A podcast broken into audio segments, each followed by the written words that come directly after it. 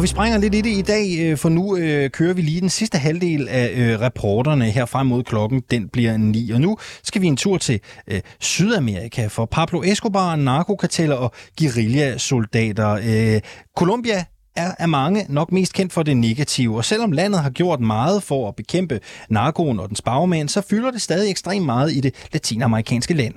I går var kolumbianerne så ved stemmeurnerne for at vælge den næste præsident, som skal forsøge at få bugt med vold, fattigdom og kriminalitet. Lasse Ydhegnet, godmorgen. Godmorgen. Du er vært på Latinamerika Live her på kanalen, og så har du et indgående kendskab til øh, politiske, økonomiske, kulturelle forhold i Latinamerika.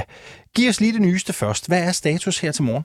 Men status her til morgen er, at øh, man er kommet videre til, eller fundet de to kandidater, der skal i anden valgrunde. Det er jo et samme system i Colombia, som man har i Frankrig, hvor man har mange kandidater, der stiller op i første valgrunde. Det var den, vi havde i går, og så er der så anden valgrunde her den øh, 19. juni, og det er jo forudsat, at øh, ingen af kandidaterne har fået et absolut øh, flertal, og det er der ingen af dem, der har fået.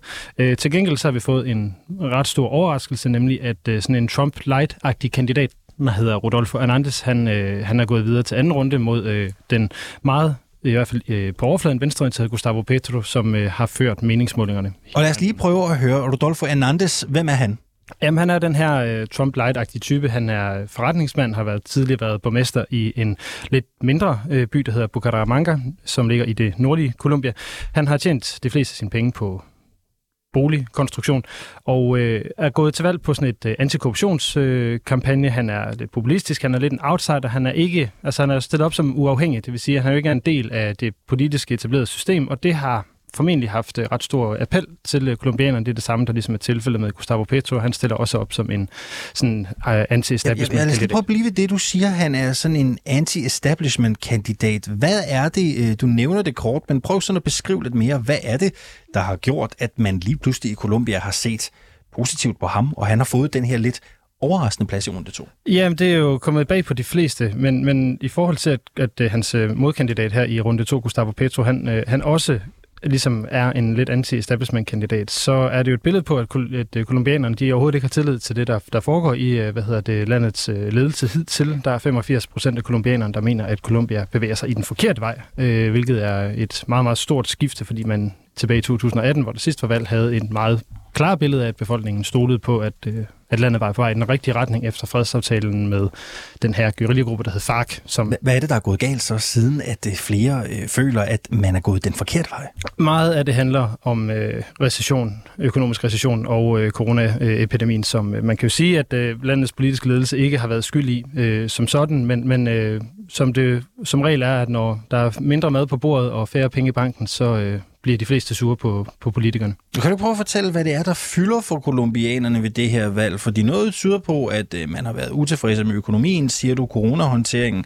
Man har måske orienteret sig mod øh, nogle kandidater, der ikke ligner de gængse, der er anti-establishment. Hvad er det for spørgsmål og temaer, der er vigtige for kolumbianerne den her gang? Altså det er jo et spørgsmål om netop om, om mad og økonomi. Altså der er 40 procent af kolumbianerne mener, at lever under fattigdomsgrænsen, og at øh, der er et ret stort antal kolumbianere, narkomaner, der også lever for under to måltider om dagen. Det er også øh, det her med mad er to ret centrale øh, pointer for begge øh, kandidater. For den ene Gustavo Petro han har sagt, at det første, han vil gøre som præsident, er at lave undtagelsestilstand for at få styr på hvad hedder det, den her madsituation, og Rudolf Fernandes han vil simpelthen fjerne al skat på mad for at løse de her problemer.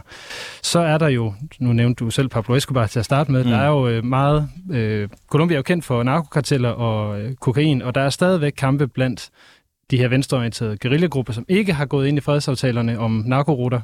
Og øh, så øh, har man her for nyligt udleveret en af lederne af de i dag største karteller, det der hedder Golfklan-kartellet til USA, og det betyder, at det her Golfklan-kartel, de øh, blev forholdsvis sure, så de øh, valgte simpelthen her i starten af maj måned at besætte 11 af Colombias øh, 39 regioner øh, og lavede totalt udgangsforbud øh, så de de facto havde magten i de her 11 regioner. Så der er tydeligvis stadigvæk et problem med ustabilitet, og der er steder, hvor den kolumbianske regering som ikke kan regere.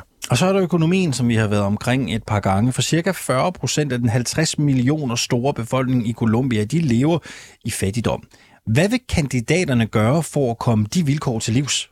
Åh oh, ja, der er mange øh, ting, de, de snakker om. Altså inflationen har været på, på 5,6 procent de senere år, så det har været det, det helt store problem. Men altså det er jo øh, primært internt, de egentlig har, har kigget her i, øh, i første omgang. Det er meget øh, nationalt rettede projekter.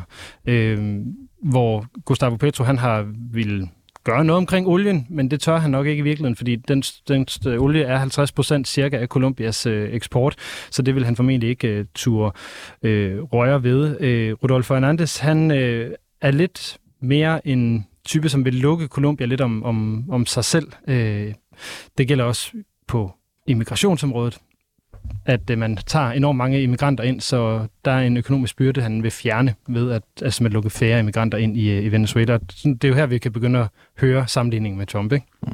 Hvem kan man stole på som kolumbianer, når man går til valg? Og nu står du og griner øh, ved mikrofonen. Ja, det er, jo, det, det, det, det er heller ikke helt i orden, fordi at, at, at det er jo ikke sjovt. Nej, og jeg bliver nødt til at spørge, ikke, fordi du har flere gange i interviewet været inde på, at kolumbianerne har haft stort tiltro til fremgang i deres land. Det har vist sig, at det ikke er sket. Øh, økonomien er ikke kommet på ret køl. Corona-orienteringen har været af helvede til, for at sige det mildt. Hvem kan kolumbianerne så stole på, når de går til valg nu?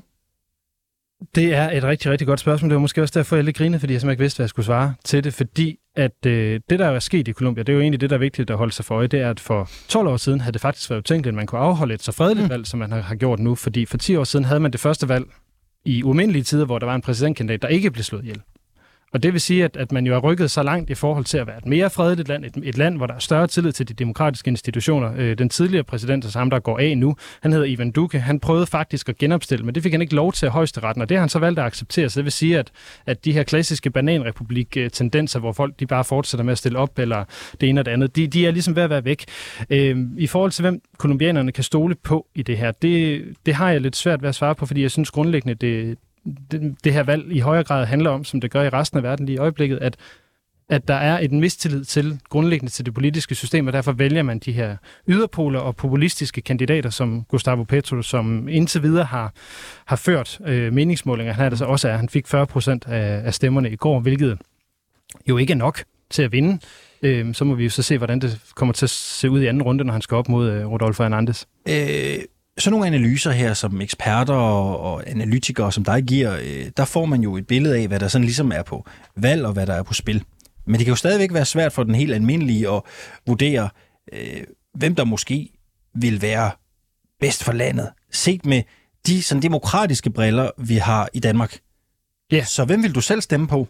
Altså de to her, øh, Puha. Ja, der vil jeg nok stemme på, øh, på Gustavo Petro, og det drejer sig ikke nødvendigvis om, at jeg har øh, de samme, øh, hvad, eller øh, peger lidt i samme fløj, som, som han selv gør, men simpelthen fordi, at han er grundlæggende, at vise, da han var borgmester i Bogotá, det er, at han er en dygtig politiker. Han er dygtig til at skabe øh, alliancer og til at få, ikke nødvendigvis få gennemført så mange ting, men i hvert fald til at holde, øh, hvad kan man sige, magten og, øh, hvad hedder det, systemet på plads at der ikke nødvendigvis skulle ændres for meget ved det. Omvendt, så er der det med Petro, det er, at han er øh, tidligere M19 øh, guerilla, og øh, mm.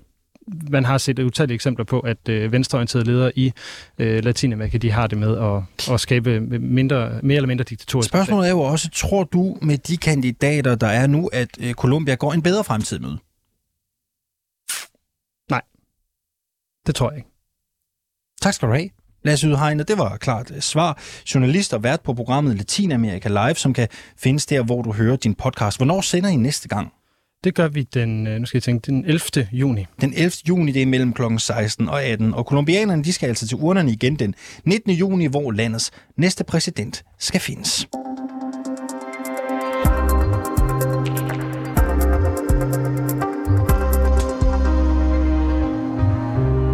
Her til morgen har vi talt med Kate Johansen. Hun er formand for Landsforeningen for Autisme. Hun talte om, hvorfor børn med autisme har tre gange så stor risiko for at blive tvangsfjernet fra hjemmet som børn uden. Med på telefon har vi nu dig, Bo Heilskov Elven. Godmorgen.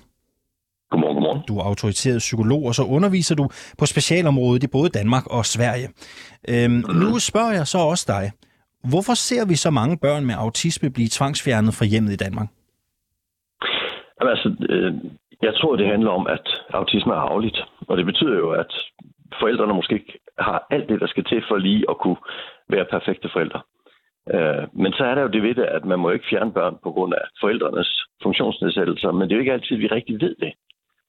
Altså, når vi kigger på den forskning, der findes, så ser det ud som om, at 2% af dem, der bliver fjernet af autisme, med de studier, hvor man har kigget på, hvor mange der har det, når man undersøger dem senere, der taler vi om 23% i Norge og 30% i England. Og det er jo fordi, man simpelthen ikke har set, at den manglende forældrekompetence havde sin bund i autisme. Hvad tænker du egentlig, når du hører og læser om de sager, som vi er blevet gjort bekendt med her på 24-7 i de her sager? Hvad tænker du egentlig? Jamen, jeg tænker jo, at man skal, burde have sat støtte ind til familierne i forhold til den funktionsnedsættelse, der findes. Det, det vil være langt det mest effektive. Øh, det er også sådan her, at den forskning, vi har, viser, at at, at fjerne børn gør det jo ikke bedre end at støtte familierne. Altså støtte familierne er, er langt det bedste. Der vil altid være nogle børn, hvor vi skal fjerne, hvor det er virkelig, virkelig dårligt. Men når vi nærmer os der, hvor vi siger, at vi måske ikke skulle fjerne, så er støtte langt, langt, langt mere effektivt end, end at fjerne børn. Der er til og med en del studier, der viser, at ikke at fjerne de børn er bedre end at fjerne. Så er du bekymret, når du hører om de her, ja lad os bare kalde dem danske tilstande? Absolut, øh, det er det, det, er, det er problematisk, fordi det betyder jo, at, at vi ikke, altså vi, vi, vi fratager børnene nogle muligheder for at lykkes, når vi fjerner den slags børn. Hvad er det, der typisk sker i de sager, hvor børn med autisme ender med at blive tvangsfjernet fra øh, tilsyneladende ressourcestærke og kompetente forældre? Prøv lige at tage os igennem det. Jamen, en klassiker, det er jo for eksempel øh, skolefravær. Altså, at vi har en skole, der ikke er i stand til at, at, at møde barnets behov, og det reagerer barnet så på ved at, at nægte at gå derhen. Altså simpelthen, fordi det, det, er, det, det er for svært at være der. Uh, og så laver man en underretning på grund af skolefravær, og så begynder socialforældre at kigge på det. De taler med forældre, der ofte så er i en situation, hvor de siger, at vi kan simpelthen ikke få ham ud af døren. Han er fuldkommen, altså det, det bliver bare kaos hver eneste dag. Så vi vælger simpelthen for, for at han overhovedet skal kunne leve og være hjemme. Uh, og så ender det så med, at man siger, at eftersom forældrene ikke kan få ham i skole, så er det dårlig forældrekompetence, og så fjerner man. Det er sådan en kategori, kan vi sige. Ikke? Mm. I Sverige, uh, og der... der er det jo, fordi skolen ikke har, har lavet det, den tilpasning, der skal laves. I Sverige, der er der jo en lovgivning, som skal sikre, at børn de ikke bliver tvangsanbragt på grund af opførsel eller symptomer, som er forsaget af deres autisme. Hvad er ja, de nemlig. symptomer for eksempel? Ja.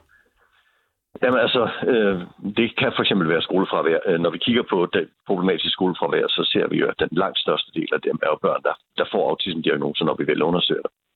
Øh, det kan også være altså, voldsom adfærd, som at kaste med møbler, og, og, og det, kan være, altså, det kan være alt muligt andet, som vi ser havner om, altså handler om manglende fleksibilitet og manglende evne til at navigere i hverdagen. Hvorfor har vi egentlig ikke den samme lovgivning i Danmark? Uh, vi har ikke en så tydelig opdeling mellem funktionsnedsættelser og, og ikke-funktionsnedsættelser i Danmark, og, det er i og for sig en god ting. Uh, altså fordi, at så mister vi rigtig mange, der ikke er tydelige vanskeligheder øh, hvis, hvis vi har det. Øh, men, men vi har bare ikke valgt at have det. Øh, som vil jeg sige det. det. Det er et valg. Vi har valgt at have en sammenholdende servicelovgivning. Og det er godt eller skidt, hvis man holder det op mod den svenske model, og, og de eksempler, vi ser i Danmark, altså, hvad tænker du? Ja, altså jeg vil sige, lige netop de eksempler vil måske ikke være mulige i, den svenske, øh, i det svenske system, men det vil så være nogle andre vanskeligheder i stedet for. Så, så jeg vil ikke sige, at man kan sige, at det er godt eller skidt. Det er forskelligt. Men hvilken øh, model er bedst? Altså, kan man, kan man sige noget om det? Nej, altså det kan man jo ikke. Altså der vil jo altid være, være sager, hvor de har blivet fjernet. I Norge øh, ser vi jo 23 procent af autisme. Af dem, bliver fjernet i England, er det 30. Så det vil jo åbenbart være en bedre lovgivning i Norge, skulle vi, skulle vi tro ud fra det. Ikke? Men der kan være så, så mange ting. Der kan være socioøkonomiske faktorer i samfundet, der også betyder noget for, hvordan de her familier rent faktisk klarer sig. Du har kigget på den internationale forskning på området. Du kan jo blandt andet se, at mange børn først bliver diagnostiseret efter, at de er blevet anbragt. Øh, kan du sætte ja. nogle ord på, hvorfor det er problematisk? Jamen, det er jo problematisk af flere årsager. Uh, for det første, fordi i det øjeblik, vi, vi fjerner et barn, fordi vi siger, at forældrene de lykkes ikke med det her barn, så tænker vi jo, at det barn skal blive helt almindeligt, når det bliver fjernet. Uh, og så opdager vi senere hen, at det er et barn med autisme. Og altså, jeg har jo arbejdet med børn, der brækkede sig på plejeforældre med vilje, og plejeforældre fik bare at vide det, fordi han havde tidlig skadet. Og det var det ikke. Det var autisme. Ikke? Så den vejledning, de fik, var virkelig dårlig, fordi den heller ikke udgår fra funktionsnedsættelser. Vejledning til plejefamilier udgår generelt fra, at det er en tilknytningsforstyrrelse. Så det bliver selvfølgelig rigtig besværligt, når vejlederen ikke har, har undersøgt barnet. Øh, så det, det, det er en fejl i det her. Mm. Øh, en anden, det er jo, at, at det, er, det er et retssikkerhedsproblem. Altså hvis det er sådan, at det, at du selv har nogle vanskeligheder, indebærer, at, at risikoen for, at dine børn bliver fjernet, er meget større, så har vi selvfølgelig et problem, ikke mindst med nu, hvor vi begynder at tale om flere og flere tvangsadoptioner. Så betyder det jo, at mennesker med funktionsnedsættelse har meget større risiko for at få sine børn øh, tvangsadopteret. Det er jo problematisk. Hvad skal der til for at undgå øh, uretmæssige tvangsfjernelser af børn med autisme? Altså undersøge, øh, at, at vi, når vi laver forældrekompetenceundersøgelser, kræver, at man undersøger, om forældrene har nogle vanskeligheder, kræver, at man undersøger, om børnene har nogle vanskeligheder. Og så også primært, at man sætter massiv støtte ind, øh, inden man, man fjerner. Og det oplever vi desværre ikke altid, at man gør. Man sætter noget støtte ind, men ikke, ikke, med, et, ikke hvor man ligesom har vinklen mod funktionsnedsættelser. Kate Johansen siger jo her til morgen, hun kommer fra Landsforeningen øh, for Autisme, hun siger, at mange sagsbehandlere, de ved simpelthen ikke, hvordan de skal gebærde sig i de her sager. Det har de ikke kompetencerne til. Hvordan gør man op med det? Mm-hmm. Mm. Jamen, det er jo et uddannelsesspørgsmål. Øh, altså, vi, vi bliver nødt til at have socialrådgiveruddannelsen til at kunne have noget, noget funktionsnedsættelsesviden. Øh, det er jo dem, der arbejder med funktionsnedsættelser i samfundet. Øh, det er dem, der laver alle myndighedsbeslutningerne. Så selvfølgelig burde de have en enorm høj viden om funktionsnedsættelse generelt. Og det oplever vi jo, at de ikke har. De, de har primært viden om, om de mere dynamiske dele af forældreskabet. Men altså, kan, man så, som, kan man så som dansker, som forældre til autismeramte børn, vide sig sikker på, at man får den rigtige behandling, når man henvender sig til sin kommune? Nej, det kan man ikke. Det anser jeg absolut, at man ikke kan. Hvad er den negative konsekvens ved det? Det er et dumt spørgsmål, men jeg stiller det alligevel. ja, men altså, vi, vi har, lad, lad mig sige det sådan her. Uh, vi, vi har nogle menneskerettigheder, og så har vi jo opdaget hen ad vejen, at det ikke er alle, der har lige så let ved at få dem i spil. Og derfor så har vi lavet nogle andre konventioner, børnekonventionen osv., ikke? flygtningekonventionen. For vi har en tendens at ikke give de mennesker de rettigheder, de har. Ja. Og der har vi en konvention, der hedder handicapkonventionen, og den kommer jo til netop på baggrund af de her sager. Ikke? Altså, at fordi vi kan se, at der er en tendens, at mennesker med funktionsnedsættelser ikke får sine rettigheder i spil, så har vi lavet en særlig konvention. Altså, det, det er ligesom sådan, vi som samfund skal tænke, og det betyder, at vi skal hele tiden tjekke, om hvad falder under den konvention. Og jeg plejer at sige, at vi har nogen, der bliver måske tre konventionsbørn eller fem konventionsbørn, altså når de er omfattet af mange konventioner. Det er jo dem, hvor der er yderligere en tendens til, at vi ikke giver dem deres rettigheder. Prøv at høre, du... bare, bare, bare lige for at skære den skarpt her. Mm. Mener du, at når man som familie med autismeramte børn henvender sig til kommunen, der ikke kan finde ud af at håndtere sagen, måske ender med at øh, tvangsanbringe børn på et forkert grundlag, og det er ganske kort her til sidst. Mener du, at vi står på kanten af menneskerettighederne? Absolut. Det gør vi, fordi menneskerettighederne har en konvention, der hedder rettigheder for personer med funktionsnedsættelser, der skal sikre, at der ikke, de ikke bliver diskrimineret af de måder, samfundet agerer på. Og det gør de jo her. Bo Heilskov Elven, autoriseret psykolog og underviser på specialområdet i Danmark og Sverige. Tak fordi du var med her til morgen. Tak. Vi balancerer på kanten af, hvad vi kan tillade os med menneskerettighederne i de her sager. Lad det være de sidste ord ja. her til morgen.